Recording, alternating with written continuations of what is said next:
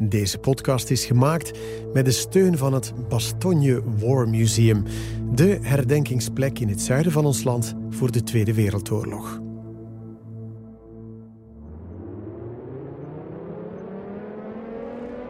Tachtig jaar geleden woedde de laatste oorlog in onze gewesten. Een oorlog die Europa verscheurde, hertekende en waarvan we de gruwel tot vandaag proberen te bevatten: de Tweede Wereldoorlog. En de laatste generatie die hem zelf heeft meegemaakt, doven straks ook de laatste rechtstreeks herinneringen eraan uit.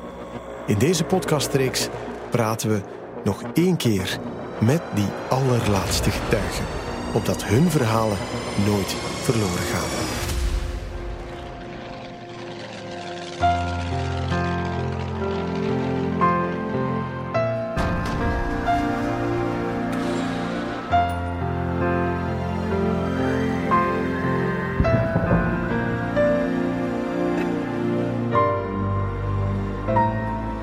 Oktober 1929. In New York stort de beurs op Wall Street in. De crisis, met haar kiemen in de Eerste Wereldoorlog, jaagt de wereld in ellende en armoede. Amerikaanse banken eisen het geld terug dat ze aan Europa hebben geleend na de wapenstilstand. Het doet het Duitsland van die jaren wegzakken in een uitzichtloze crisis met een tsunami van ontslagen en faillissementen. Het is tegen die achtergrond dat Adolf Hitler met zijn extreme discours een almaar groter deel van de mensen weet te verleiden, zelfs tot in Vlaanderen. François Igos groeit op rond Gent tijdens die woelige jaren 30. Ja, mijn naam is Igos François. Ik ben geboren in 1929. Ik ben geboren in Sint-Amansberg, Oorspronkelijk waren we met vier, dat ik spijtig genoeg alleen nog overschiet. Ik ben de jongste en mijn broer was de oudste en daartussen zaten mijn twee zusters. In familieverband uh, waren wij goed. Uh, we hadden dus geen, geen problemen wanneer dat ik spreek van mijn kindjaren. Uh, mijn vader was eigenlijk de kerk, Tellerhart en dat en daarnaast was een groot klooster. En hij was daar de elektriker. En mijn moeder die deed niks eigenlijk. Die was thuis voor de kinderen. 10 mei 1940 breekt bij ons de oorlog uit. François herinnert het zich levendig. De eerste dag, want wij woonden op een derde man systeem, dus dat, dat was vol met soldaten, Belgische soldaten. Maar eigenlijk van de oorlog zelf daar uh, van vechten of van iets, iets doen, weinig of niks. Heb ik daar meegemaakt. Als kind hebben we dan via de radio meegevolgd wat er eigenlijk gebeurde. Maar dat heeft betrekkelijk weinig geweest dan, dan, in België. Het, was, was kort, dus... Uh, hoe zou ik zeggen...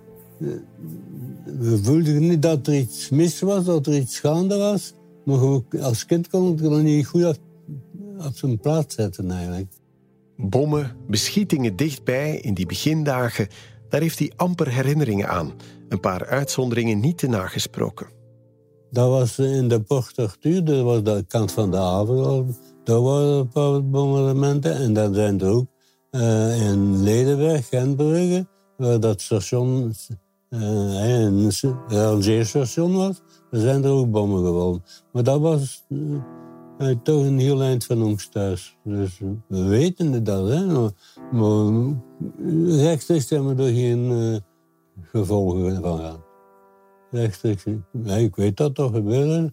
Want uh, alle nachten was in Gent, uh, bij ons in Schijn, liep ik weet niet hoe ver, in de kelder, boem. En terug naar huis. Dat, was heel, heel normaal in de oorlog ja, dat was niet, niet van de plezantste kant. Dus, als kind mochten ze wakker. Je moet naar Gent lopen in de kelder zitten en dan wachten tot de alarm gedaan heeft. En ik er dan weer naar huis. Want uh, ik was een, als kind een goede slaper en hier dan ze mij wakker gekregen voor mee te lopen. Voor ze al weet niet hoe ver denk. Dat, dat ging niet, het ging niet gemakkelijk. Ondanks de oorlog leidt de jonge François een relatief onbezorgd leven in die periode. Het enige wat het anders maakt, is dat het voedsel op de bond staat. Iedereen had honger, of iedereen had geen honger. Hetgeen dat had, was genoeg. Hè. En dat niet meer. Hè. Je stond aan te schuiven voor levert. Dat was de enigste vis die je dan eigenlijk kon krijgen in de oorlog. En iedereen stond aan te schuiven voor de viswinkel. En dan krijg je dus een visje. Hè. En je had rationeringsbonnetjes. En met die bonnetjes kon je iets krijgen. Dus die bonnetjes op was gedaan. Hè. Suiker, uh, bloem uh, voor vis boter, dat, was, ja, wat was dat? Margarine, een soort margarine. Koffie, dat was meer gert. Ik zeg, de mensen gingen dan veel met de fiets naar de boeren buiten. Op de Zwarte Markt aardappelen te kopen. En, en dat. Maar dan moest je opletten als je terugkwam dat je niet tegengehouden was voor de, van de Rijkswacht. Voor de aardappelen kwijt. Dat, maar dat was, de, de Zwarte Markt floreerde dan heel goed. Hè. Ik ging mee fietsen en ze daar op mijn bagage en zag ze aardappelen en zag dingen. Kijk ik, ik mee, dus gelijk de anderen. De niente schrik die we hadden, dat, dat ze dus gingen afpakken, punt gedaan. Hè. En we worden geld kwijt en we worden aardappelen kwijt. Hè. Maar ik moet eerlijk zeggen, wij hebben nooit geen slagen gehad of geen dingen gehad, of geen opmerkingen die, die die, die lieten ons rust en wij lieten hun. De oorlog, de bezetting met name, stelt mensen voor grote levenskeuzes. Zo ver mogelijk van alle geweld wegblijven, wegkijken ook soms van wat de nazi's aanrichten, er actief tegen in het verzet gaan of er juist mee meewerken, collaboreren. De moeder en de zussen en broer van François kiezen dat laatste. Met de oorlog is er veel veranderd. In die zin dat mijn vader dus uh, op het gebied van politiek zich niks aangetrokken heeft. Maar mijn moeder en mijn twee zusters waren naar de Vlaamse kant. In zoverre dat mijn zuster eigenlijk een beetje fanatiek was. En mijn broer, die had de vakschool gedaan hier bij Karels in Gent als mechanieker en die is vertrokken vrijwillig naar Duitsland voor bij te leren mechanieker vliegtuigen. En hoe dat, dat dan zijn leven verder gedaan heeft, dat weet ik niet. Maar alles bij elkaar, door het feit dat mijn broer naar Duitsland gegaan is, dat mijn moeder en mijn zusters Vlaams gezin, werden wij dus uh, van de Belgische kant afgeschoven de oorlog begon, uh, woonden wij nog altijd op Tellerhart. En we hadden er eigenlijk weinig van meegemaakt, behalve dan dat ze zich beginnen binden aan politiek.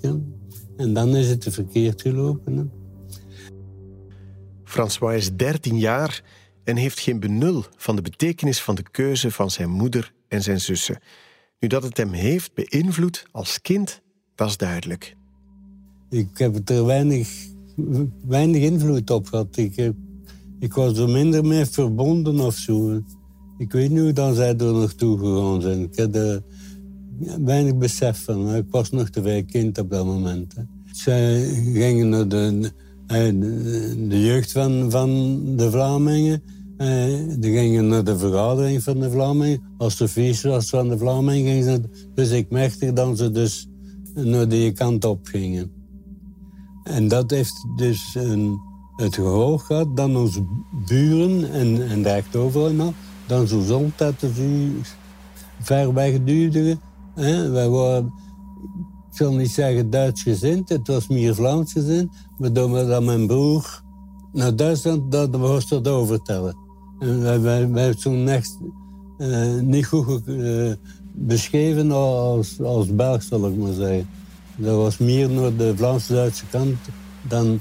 En dat was dus heel de, de gemeenschap rond ons. Die was wel uh, meer Belgisch en anti tegen ons, ik te zo zeggen. Ook op school wordt hij het verschil gewaar. Uh, dat merk je van, al van in school. Ze mijden nu. Ze, ze, laten nu aan de kant. Mijn, vrienden waar ik vroeger mee, spelen en zo, dat, dat verminderde, die zag ik niet meer. Dus daar, daaraan merkte je dat, dat, dat ganse eigenlijk eens een beetje tegenover ons stond. En dat vond ik, eh, als kind vond ik dat niet aan, maar ja, het was er zo. Hè? Het was zo. Het is met een gelatenheid dat hij het zegt. Als kind voelde hij zich onmachtig om wat dan ook te doen. Hij onderging ook de gevolgen en het ergste moest dan nog komen. Vlaams gezinde organisaties brengen zijn moeder ondertussen in contact met de KLV, de Kinderlandverschikkung. Die stuurt Belgische tieners uit de steden op vakantie naar het Duitse platteland om hen te laten aansterken, maar tegelijk ook om hen te doordringen van de nazi-doctrines. Langs de boorden van Rijn, Neckar, Donau en Ilnau. Wat een belevenis voor deze kinderen.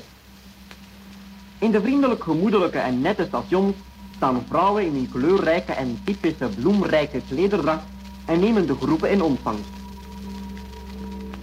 En zo wordt de lange trein langzaam leeg, langzaam leeg. Maar door het feit uh, dat ik uh, van 29 ben, ik was 10, 10 jaar, 11 jaar, uh, had ik er eigenlijk niet veel mee te doen, want ik, wat wist ik ervan, was, was nog kind. Maar zullen zijn, zijn zwakte geworden op een duur. Met het gevolg dat ik in 1942 een maand naar Duitsland geweest ben met de zwakke kinderen, zo gezegd, in kolonie. Dat we dus een maand mochten naar Duitsland gewoon voor de, de zwakke kinderen, bij wijze van spreken. En dat ik dan in 1943 terug een maand geweest ben, maar dat was dan privaat. En ik zat bij een apotheker. En die apotheker die gaat toch terugkomen later, want die heeft een grote rol gespeeld voor ons. Heel, heel dat spel heeft mijn moeder georganiseerd. Ik, ik weet er niks van. En op een bepaald moment zei hij mij, kijk, uh, volgende week ga de week naar Duitsland voor de zwakke kinderen, voor, uh, sterker te worden. dat was uh, alles behalve. En, en mee. En wij kregen daar, we waren met, met twintig, hè. Wij kregen daar s morgens onderwijs. En smiddags moesten we bij een boer gaan werken. Ja. Dat was dus in 42, de eerste maand. De tweede maand werd ik ondergebracht bij een apotheker. En dan hebben wij hele maand... We zaten er met vijf Belgische kinderen in dat dorp. En hebben wij heel rondgelopen en met elkaar gespeeld. En hebben wij niks gedaan en niks gekregen. Of geen onderwijs of niks, niks gedaan. Nu, dat waren Belgen die ook onder, maar die in feite geen onderwijs. Dat waren ons begeleiders die ons onderwijs. Dat waren geen onderwijzers. En dat was zo gezegd uh, voor te, te versterken en kloeker te maken. En, dat ze uh, mijn kind een geven. Dus met, met hè. Dat was allemaal gezamenlijk een trein en dat was tegen, eh, aan de Rijn, tegen Nijwiet. Aan de Rijn, dat we zaten. En dat was dus uh, in een hotel of wat, ik weet het niet meer. Een grote zaal en we zaten daar door. En morgens kregen we les. En smiddags moesten we dan met de boeren gaan werken. En gewoon werken, Hoe oud waren we dan? Hoe nog kind eigenlijk. Maar dat was dus eigenlijk dat we in verlof gingen, op vakantie gingen. Of, er was geen verplichting bij, of voelde mij er goed bij. En ik wist van niet, weet goed. en als kind hoorde ik met in een hoop mee, dus gelijk dat naar de Kluisberg hoorde. Ik zeg, ga weg, man. Toen de kinderen dan een paar dagen ter plaatse waren, heb ik ze bij hun respectievelijke pleegouders bezocht. Maar voor ik u daarover verhaal ga, de luisteraars, laat ik een moeder begeleidster aan het woord. Mevrouw, waar hebt u uw kindje naartoe gebracht? Naar Schuppingen, meneer. En hoe oud is uw jongen op? Is het misschien een meisje? Nee, een jongen, meneer. Hij is nu elf jaar. En was zij niet te vermoeid van de reis? Ja, natuurlijk, een beetje, like allemaal. Maar toch niet zo erg. Want toen hij bij de mensen was aangekomen, heeft hij een paar uurtjes geslapen en ik dan al gaan zwemmen. had hij dan reeds een makker? Over de moeder van François gaat het vaak. Over de zussen, maar minder over zijn vader. Ja, die, die, die heeft zich echt neutraal opgesteld. Die heeft zich niet politiek gebonden, nog, nog de ene kant, nog de andere kant. Die, die, die, trok zich daar niet aan eigenlijk. En, en, en onze moeder en onze zus, ja, die deden wat ze wouden. En mijn broer is dan zelfstandig als hij van school kwam. Uh, naar Duitsland vertrokken, uh, punt gedaan, hij was weg. En ik heb weinig van mijn broer gehoord. Ja, die was al weg in de oorlog en, en dat was, was gedaan. Hè. Het is 1944, de bevrijding komt dichterbij. Sint-Amansberg heeft in die vier jaar al bij al weinig met de oorlog te maken gekregen. Tenminste, door de ogen van François. De geallieerden naderen en dat vinden de meeste mensen opwindend nieuws. Maar bij het gezin Igos slaat nu de angst toe. Maar dan, uh, de meeste periode heb ik eigenlijk meegemaakt, de slechtste, eh, als de bevrijding begon.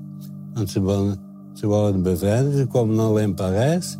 Mijn vader begon schrik te krijgen, want van de buren ging dit en de buren ging dat.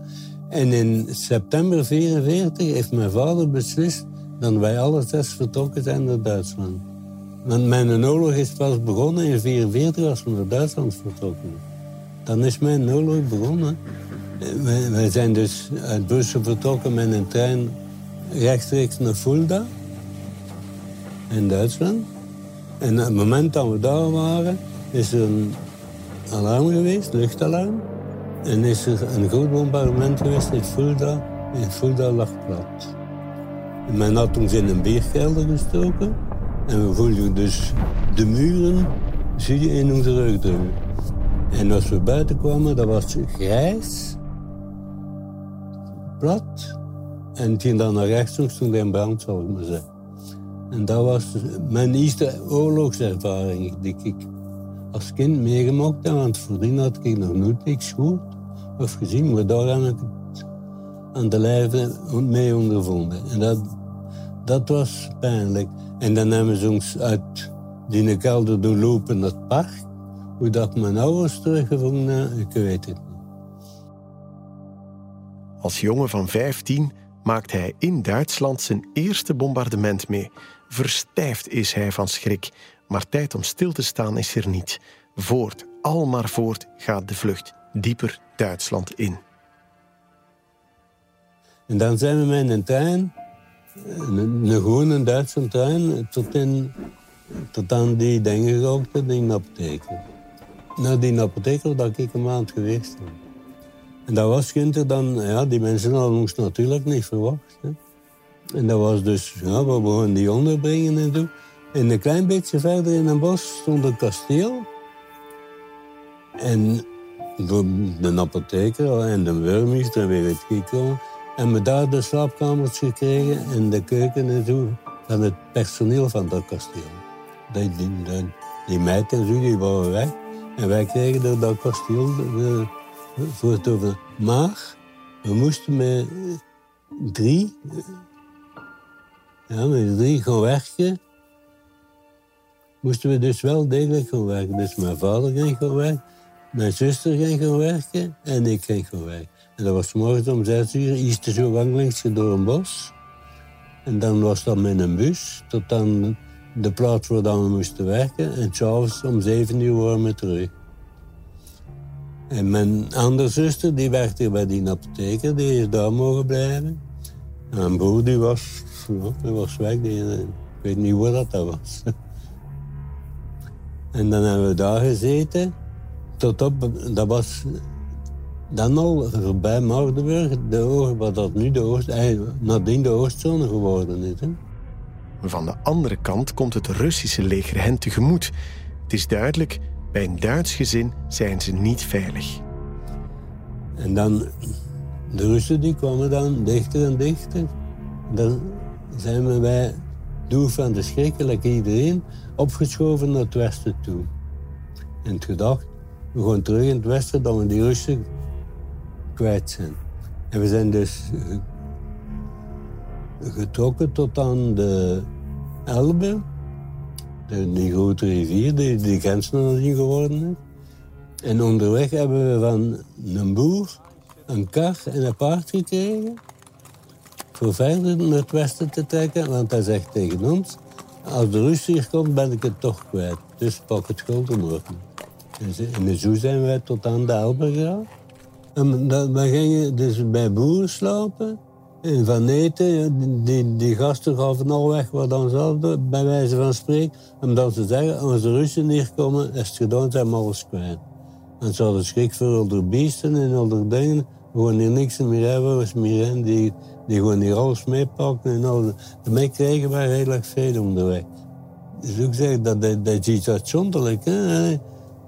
Doodsbang waren ze voor de Russen en hun reputatie, ook al omdat ze geen papieren hadden en dus wellicht voor Duitsers zouden worden gezien, met alle mogelijke gevolgen van dien. Alles deden ze eraan om uit de handen van het Rode Leger te blijven, maar ze zaten vast tussen twee vuren. En aan de Elbe, aan de overkant, zat het Amerikaan. En de, de dat was niks. Dus we konden niet meer verder. Maar elke dag tot vijf uur kwamen de Amerikanen met bootjes, de, west, de Westerlingen, de bij de overkant halen en terugbrengen. Nog s'avonds om vijf uur stopten ze en s'morgens om negen uur begonnen ze dan terug. Wij zijn er toegekomen, s'avonds om acht uur. En het was gedaan. Dus we moesten wachten tot zondags uh, om over te zetten worden. En wat dat er gebeurde, diezelfde nacht zijn de Russen tot aan het water gekomen. En wij zaten dus bij de Russen. Ik ben dus bevrijd geweest van Duitsland door de Russen. Vlamingen uit Sint-Amansberg bevrijd door de Russen in Duitsland. Het lot kan ondoorgrondelijk zijn. Je gezegd, de Russen die Belgen kennen ze niet. Geen niet Frankrijk, Engeland en zo dat kennen. Dus wij hebben ons in feite dan uitgegeven als Fransmans. En zo zijn we dus als Westerling erkend. Omdat we konden zeggen dat we geen Duits waren, was iets beter. Hè? Toen we dan zo wisten wie dat we eigenlijk waren. En in het begin hadden we schrik, want die, die benulder doet die man. Hoor. Bevrijding, het kost niet op. Die slachten die koeien niet.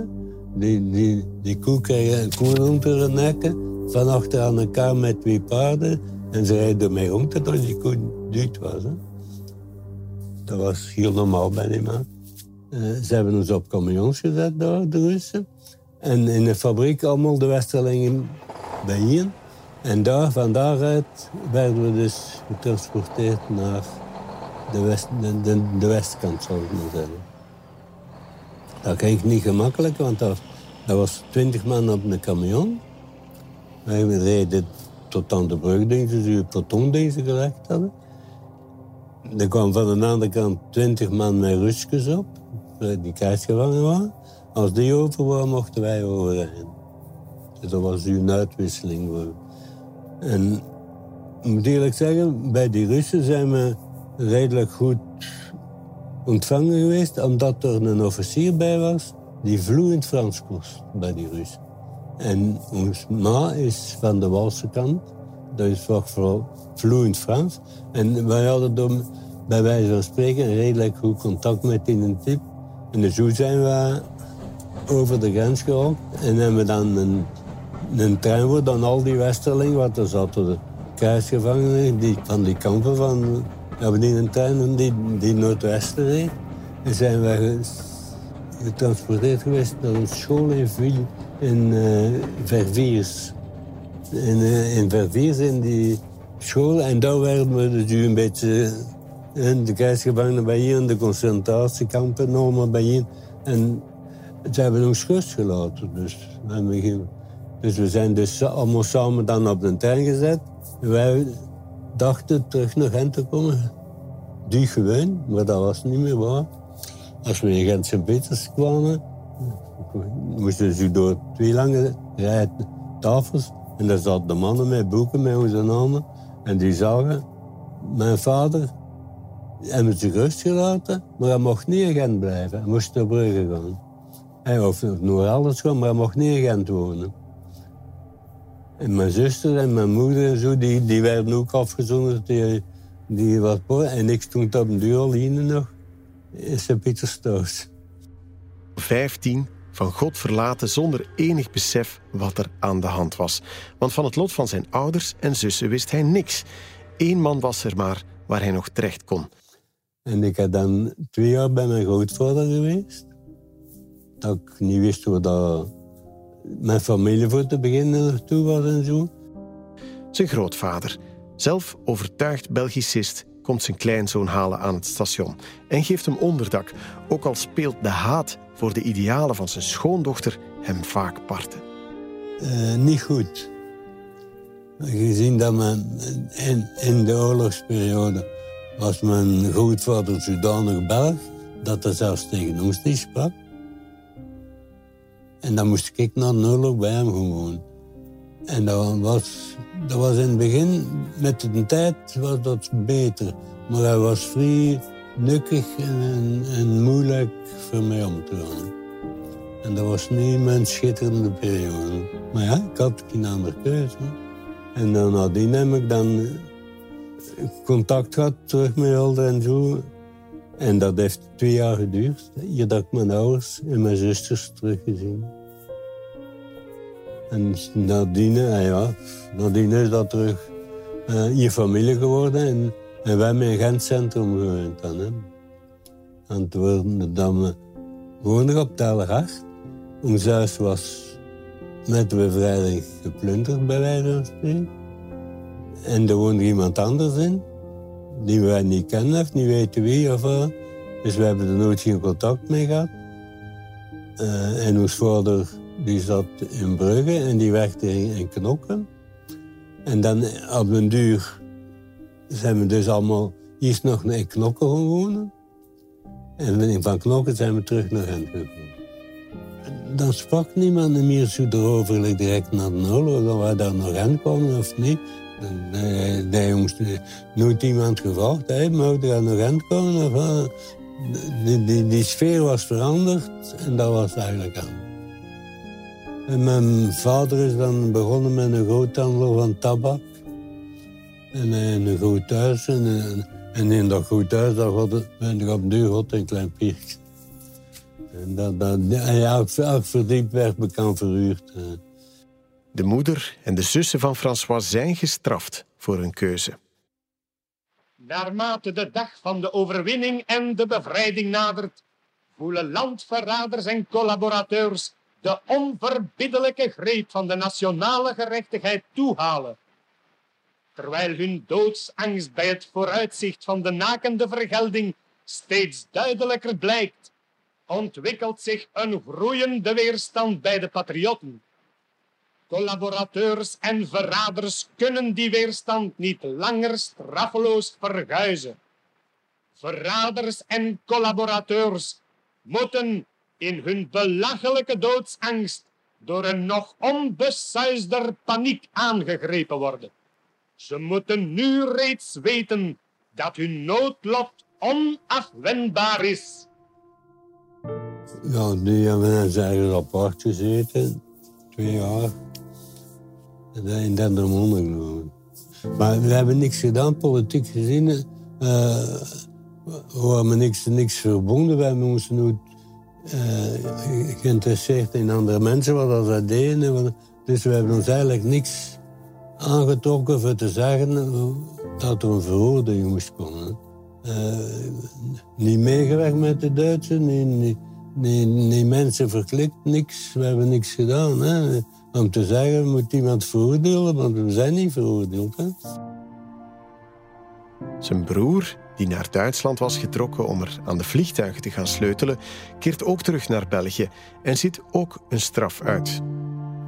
Uh, die is uh, vier jaar nadien terug Maar die is, nu die in Mechelen gezeten. Ja, en dus ik denk dat dat agent verder gegaan is dan al je moest gewoon verstuderen. Hij zal verder gaan.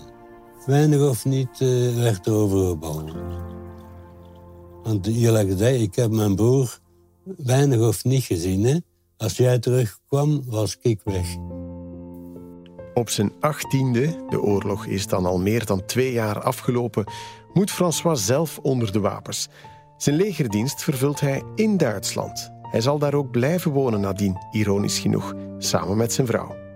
Na, na de oorlog ben ik opgeroepen. Bezetting Duitsland gedaan. 36 jaar heb ik in Duitsland gezeten, met, met het leger. En ik ben daar begonnen, de eerste vier jaar, bezetting Duitsland.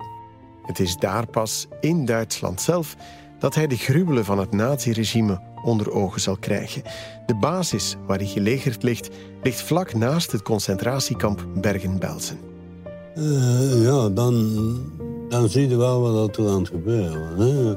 En wat er gebeurde, is geen erachter, dat, dat was daar wisten we niks van. En we hebben dat ook later allemaal vernomen, dat iedereen dat vernomen. En dat we dan zei, hoe is dat mogelijk? Hè? In de periode dat ik dus in het leger was, gingen we met ons gingen we naar Reunen, hè? Bergen-Belsen. Juist naast dat concentratiekamp is een groot legerkamp. En daar gingen wij gewoon oefeningen doen. Maar met onze soldaten gingen we dan niet een keer naar dat kamp gaan bezoeken. En dan zich zo de uh, bewust zijn wat er eigenlijk allemaal gebeurde. Hè? Vier jaar na de oorlog is iedereen weer thuis. Gent lijkt het oorlogsverleden van de familie vergeten.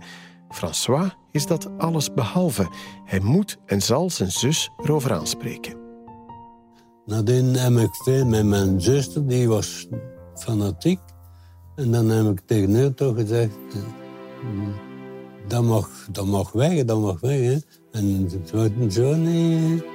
Zeg, zeg, zeg, wat hebben we er nu van geleerd en wat is er ons van overgebleven? Zeg, niks. We zijn er uiteindelijk eruit gekomen als sukkelaars. Hè. Hè? Niet zat door, een ander zat door. Ons huis waren, we kwijt. En, we hadden niks meer. En, en, en, er was niemand die zich nadien van ons iets aantrok. Hè. Of die zei, kon je helpen, of je dit, of je dat. We moesten onze plan trekken. Het helpt niet. Met zijn ouders en broer praat hij uiteindelijk nooit over dat verleden. Een leven lang blijft iedereen zwijgen en wordt geen enkele vraag beantwoord.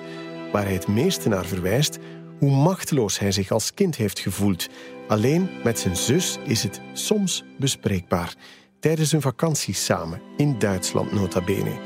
Zij zal altijd Vlaams nationaliste blijven, loodrecht op zijn wereldbeeld.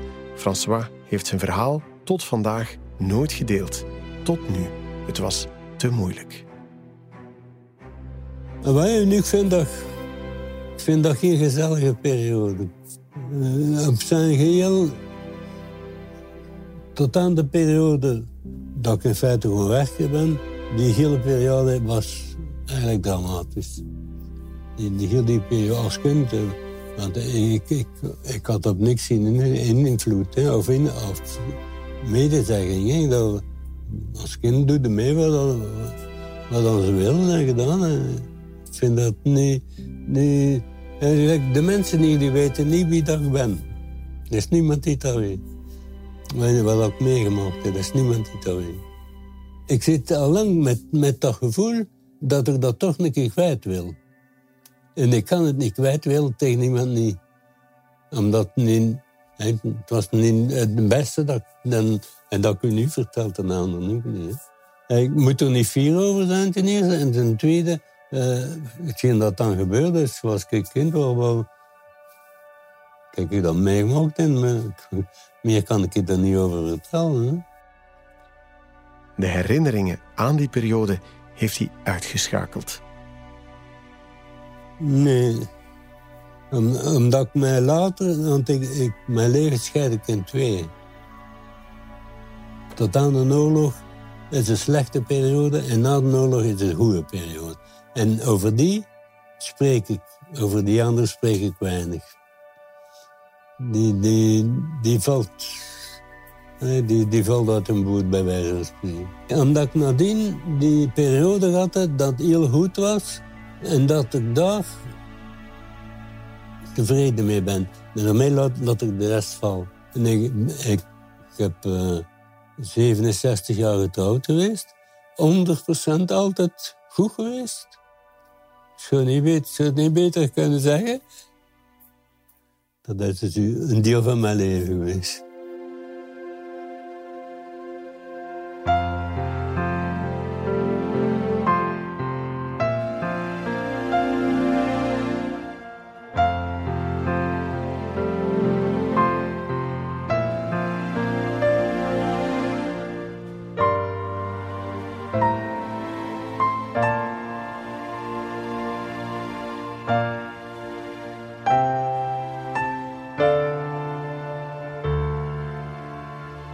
Heeft deze getuigenis van François Icos je geraakt? Herbeleef dan de aangrijpende verhalen tijdens je bezoek in het Bastogne War Museum. Reis in de tijd naar deze historische plek in de Ardennen. Tickets en info op bastognewarmuseum.be.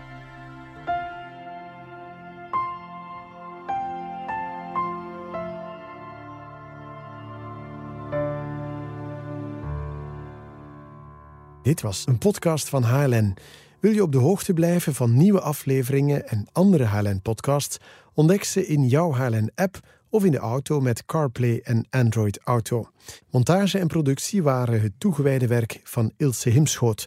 Voor sounddesign, muziek en postproductie stond Sami Meraya in. En ik, ik was Freek Braakman.